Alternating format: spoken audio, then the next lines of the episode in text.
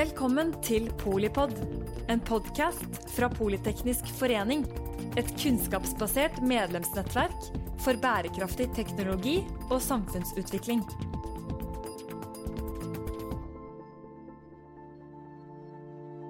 Velkommen til eh, denne Polipoden Polipodden rett fra Arendalsuka.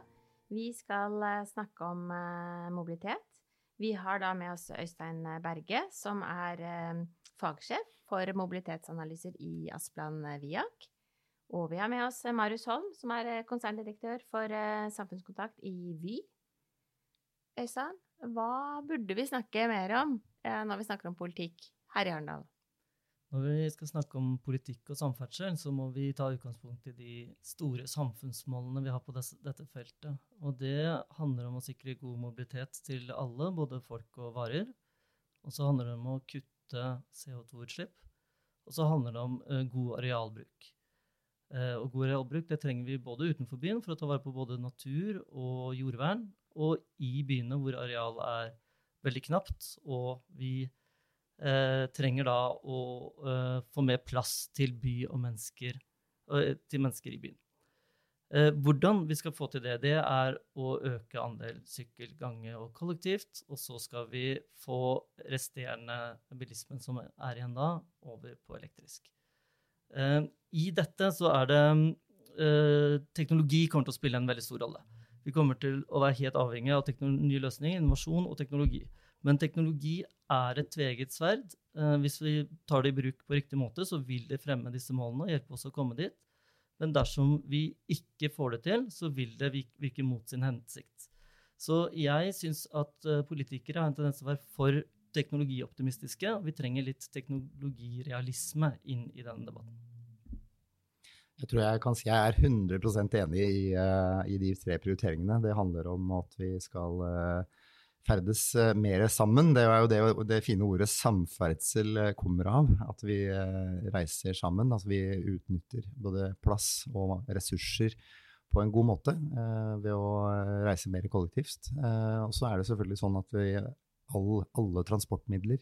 Uansett eh, hvor de befinner seg, så må de bli utslippsfrie. Det har jeg jobba med i mange år i min forrige jobb, men det er også viktig i den nye jobben min, hvor vi både tog og busser skal bli utslippsfrie i, i årene som kommer.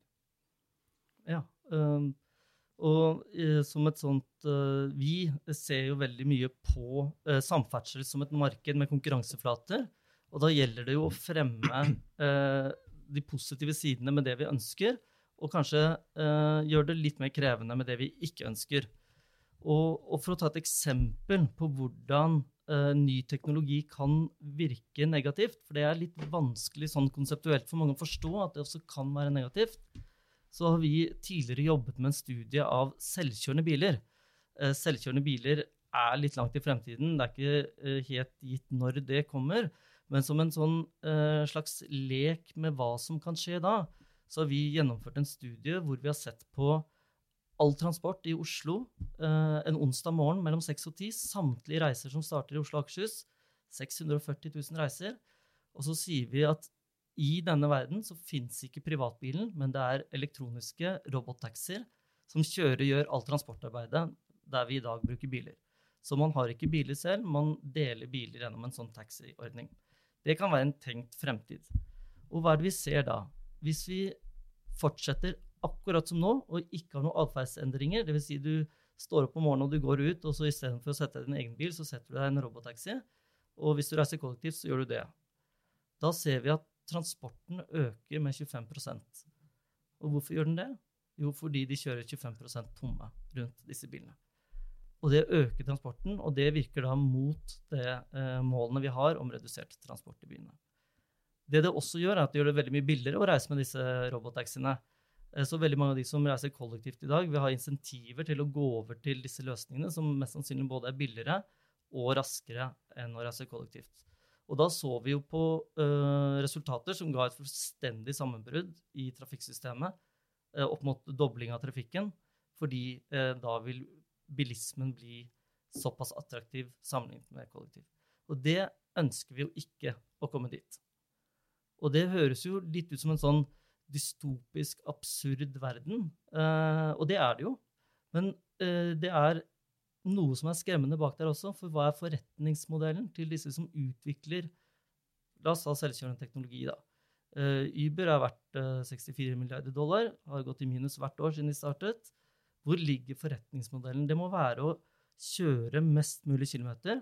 Og hvis de får ut sjåføren, så begynner de virkelig å tjene penger. Så for hver kilometer de kjører, så vil de tjene mer penger. Og Derfor er jo deres forretningsmodell i direkte konflikt med våre samfunnsmål om å redusere biltrafikken. Og skal vi unngå det, så trenger vi gode politikere som tør å ta modige valg. Ja, det er jo, eh, det er jo eh, flere teknologier som har den typen liksom, sånn, Det endrer økonomien i en aktivitet. Eh, og Det ser vi også med elbilen. Det er jo en utgangspunktet det er jo bare en positiv teknologi. Altså Vi går fra eh, biler som bruker masse energi og som slipper ut veldig mye CO2, og som bråker og som er egentlig upraktiske på alle måter, til biler som er veldig gode. Eh, som eh, bruker litt energi og som eh, ikke slipper ut CO2. Eh, samtidig så er det jo eh, sånn at elbilen er dyr å kjøpe, men billig å bruke. Og det fører jo til at som, den reisen som før kanskje var lønnsomt å ta bussen eller toget, den blir nå billigst å kjøre fordi selv om elbilen er dyr å kjøpe, så er jo det en sunk-kost når du først har kjøpt den. Så er det, det er jo marginalkosten med å kjøre den neste turen som avgjør hva som lønner seg for deg å velge når du først har kjøpt den bilen. Og det, det ser vi jo nå, at trafikken øker i byene. Etter pandemien så øker trafikken, mens kollektivtransporten ligger på et lavere nivå enn før. Og det tror jo vi delvis, det skyldes jo delvis noen nye vaner, men også det at veldig mange fikk seg elbil i løpet av pandemien. Og da ser de den er nesten gratis å kjøre til jobben. Og så Selv om det i utgangspunktet bare er en positiv teknologi, så betyr jo det at vi må endre reguleringene fordi den har en annen kostnadsstruktur. Og da må vi kanskje gjøre, gjøre noe med både parkeringskostnader og altså, vi skal jo fortsatt ha insentiver til å velge elektrisk framfor bensin, men vi må, eh, vi må ikke skape liksom en sånn konflikt mellom to veldig egentlig veldig forenlige mål, nemlig lavere utslipp og mindre trafikk i byene. Det er to mål som er veldig lett å nå samtidig, eh, ved at alle bilene er elektriske, men det blir færre av de. Eh, og da, sånn, da, må vi skru på disse knappene som, mm. som vi har gjort før også. Skru på eh, bompengesatser, parkeringspriser, eh, tilgang på parkering, ikke minst. Eh, og vi må se på hvordan eh, kollektivtilbudet justeres for å møte sånn f.eks. sparkesykler og andre ting som, som, har dukket opp, og som endrer transportvanene. Du er jo eh, dreven i politikkutforming, Marius. Så eh, er dette gjennomførbart sånn eh, politisk? Ja, det er det jo. Vi har jo, gjort, vi har jo endret og skrudd på disse knappene i alle år. Mm. Eh, og så blir det alltid motstand når man gjør noe dyrere. Det blir det nå også. Det tror jeg vel. Men vi må gjøre det på en sånn litt, sånn, litt forsiktig og, og, gradvis måte. Og, og forklare det godt, så går det det går bra.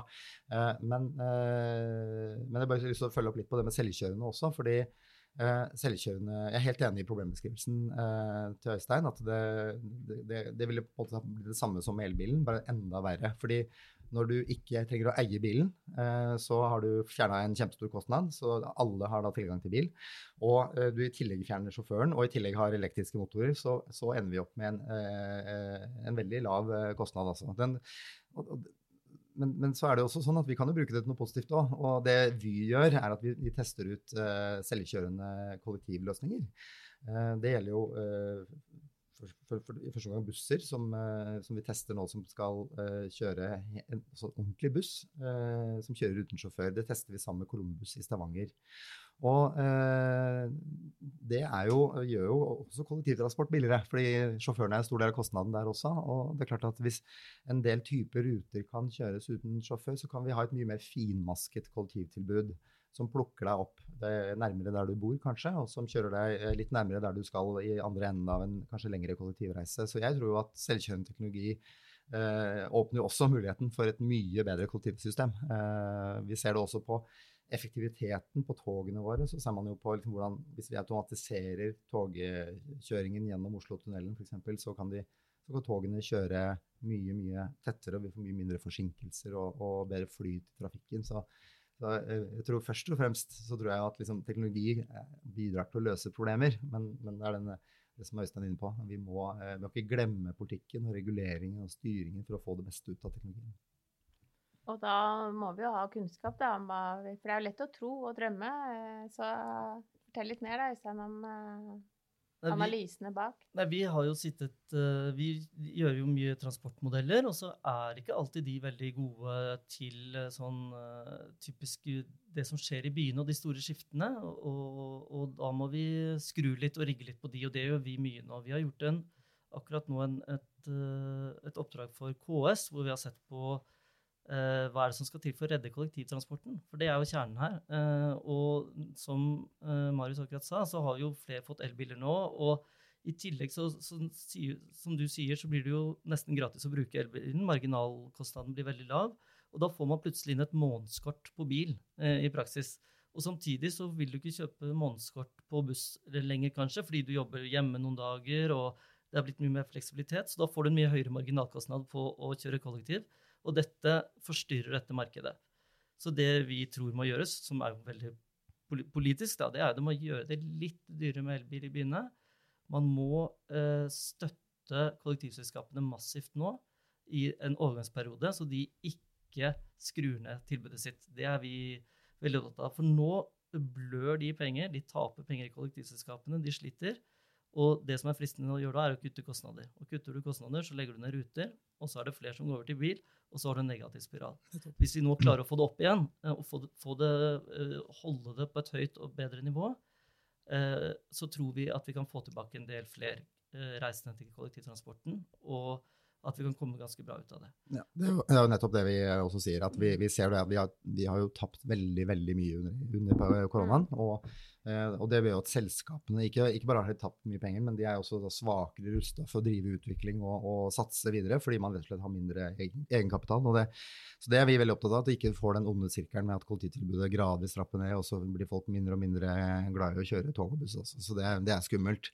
Eh, og så er det jo også øh, sånn at det som er, er viktig, at dette, denne konflikten egentlig ikke eksisterer. fordi alle er enige om at alle kjøretøy skal bli elektriske. Eh, så det handler jo ikke om å gjøre det mindre fordelaktig med elbil eh, versus eh, bensinbil. Det handler bare om å gjøre det mindre fordelaktig å kjøre bil til jobb istedenfor kollektiv og sykkel. Så det, det, jeg tror, dette kan vi, dette vi skal klare å, å, få til. Jeg tror det er ganske få som vil være uenig i at, den, at noen justeringer må til. Det er jo en, en no-brainer, men det er også en, en kjensgjerning at altså type etter sommeren, da, så er det jo sommerrutene i Oslo, så kjører de jo på sommerruter. Eh, som er et, eh, en reduksjon da, i rutetilbudet. Ja, nei, det er, eh, de, de, de, har det tøft nå, kollektivselskapene. De må kutte kostnader hvis de ikke får tilført midler. Og da eh, kan man se, bli fristet til å f.eks. ha lengre perioder med, med, sommerruter. Og vi tror jo at i tillegg til å um, å hjelpe de nå i en overgangsfase, så bør man også se på finansieringen av kollektivtransporten, slik at de får mer betalt for å kjøre flere eh, passasjerer. At det knyttes mer opp til passasjerer. Det er ikke alle som er enig i det, og det er noen fordelingsvirkninger der som kan være uheldige. Eh, men eh, det at finansieringen knyttes mer direkte til per passasjer, eh, og, og, det vi ikke har nevnt enda, er liksom, er jo big data. Vi har veldig mye mer data nå på reisemønster og sånn. Og det er lett lettere nå å designe optimale ruter ved å bruke den uh, informasjonen vi har nå. Så man kan også få et bedre Og så må man tåle at noen ikke reiser kollektivt. Og alle kan ikke ha et bra kollektivsystem. Uh, og det er et viktig poeng her også, er at det er et by og land-tema uh, inni her også. Så at det, på steder hvor man bor mindre tett, så er det kanskje elbilen som er den beste løsningen. Ja, det er jeg helt enig i. Jeg kommer fra et sted hvor det bare går skolebuss. Mm.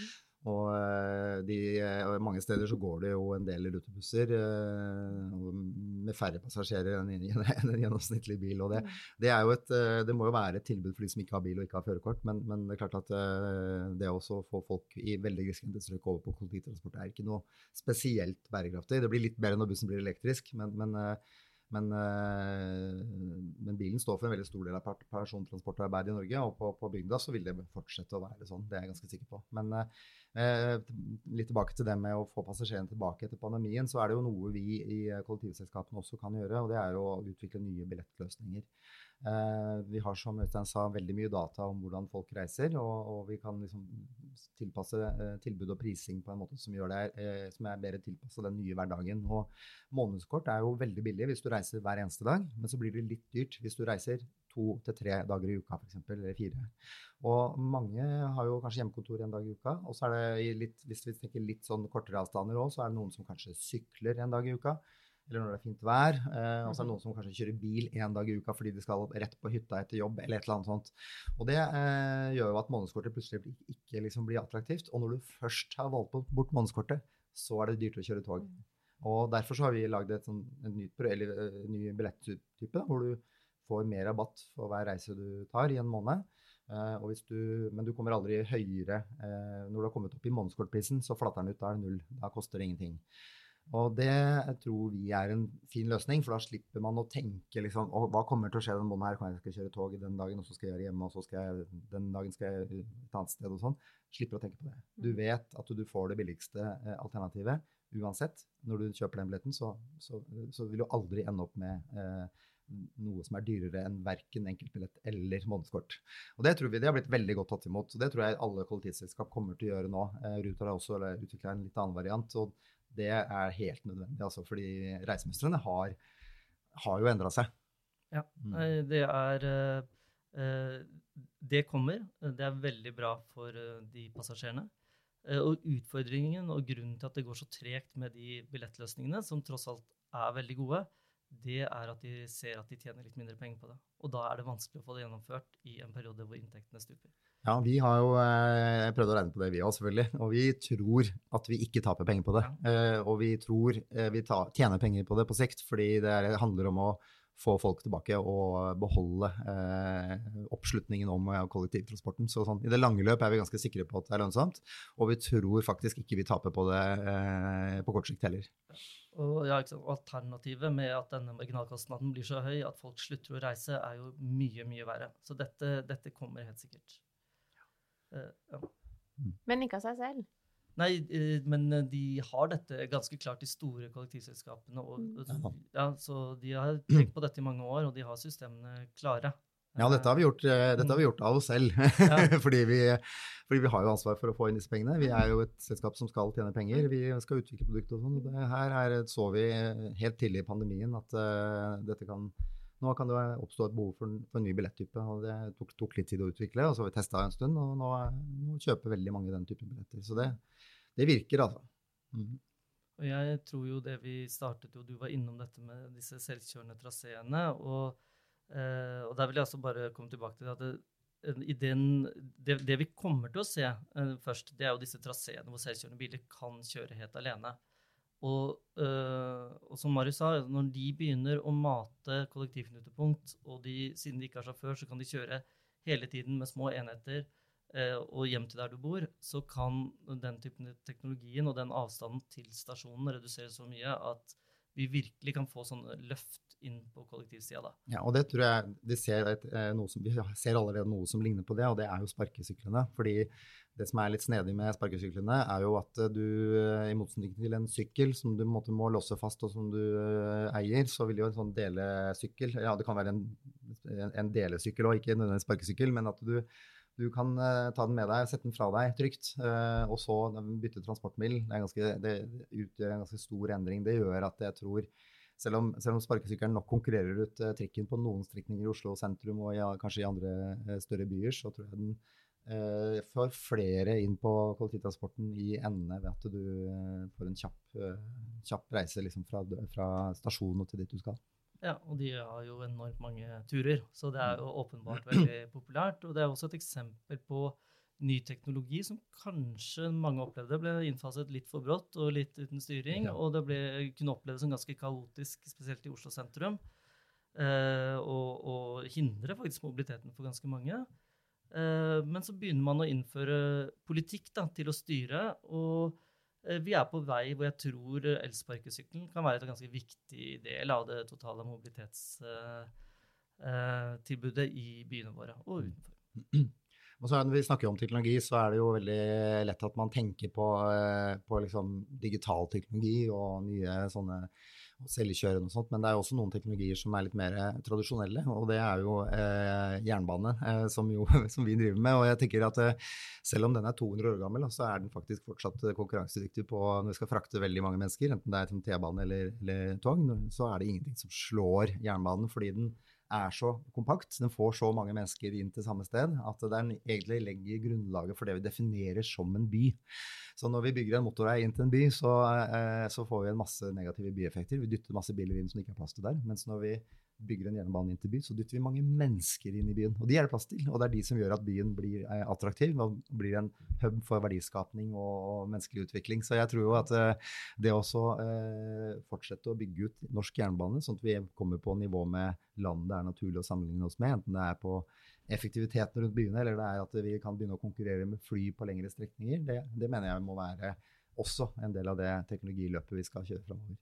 Der er jeg veldig enig. Jeg tror skinnegående massetransport vil uh, i all fremtid være uh, ryggraden i transportsystemet i befolkningstette og mellom befolkningstette områder. Helt åpenbart, og ingenting kan slå det av noe annet vi har sett. Uh, og så har jeg bare lyst til å, å gi et lite, og nevne også elsykkelen. det selges dobbelt så mange elsykler som elbiler i Europa hvert år. Eh, jeg tror over 90% av norske arbeidstakere bor i elsykkelavstand fra jobben sin. Eh, og så er det jo noe med vær og noe med infrastruktur, og det er masse menner inni der. Men for veldig mange så tror jeg det kan bety ganske mye hvis vi får eh, stor, et stort skifte over på det. Ja, det er jo Forskjellen på Oslo og andre byer er jo at den er litt bratt. og det, det, Når du har elektrisk motor, så er det ikke bratt lenger. Mm. så det tror jeg kommer til å endre mye. Mm. Tusen eh, takk, eh, Marius eh, Holm fra Vy, konserndirektør for samfunnskontakt der.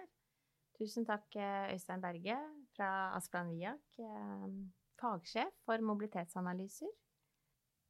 Ja, ja takk, for takk, for at vi fikk være med. Ja, tusen takk for at vi fikk komme, det var veldig hyggelig. Og takk til deg som hører på Boligbåten hvor du vil og når du vil. Jeg er Mette Vågnes Eriksen, generalsekretær her i Politeknisk forening.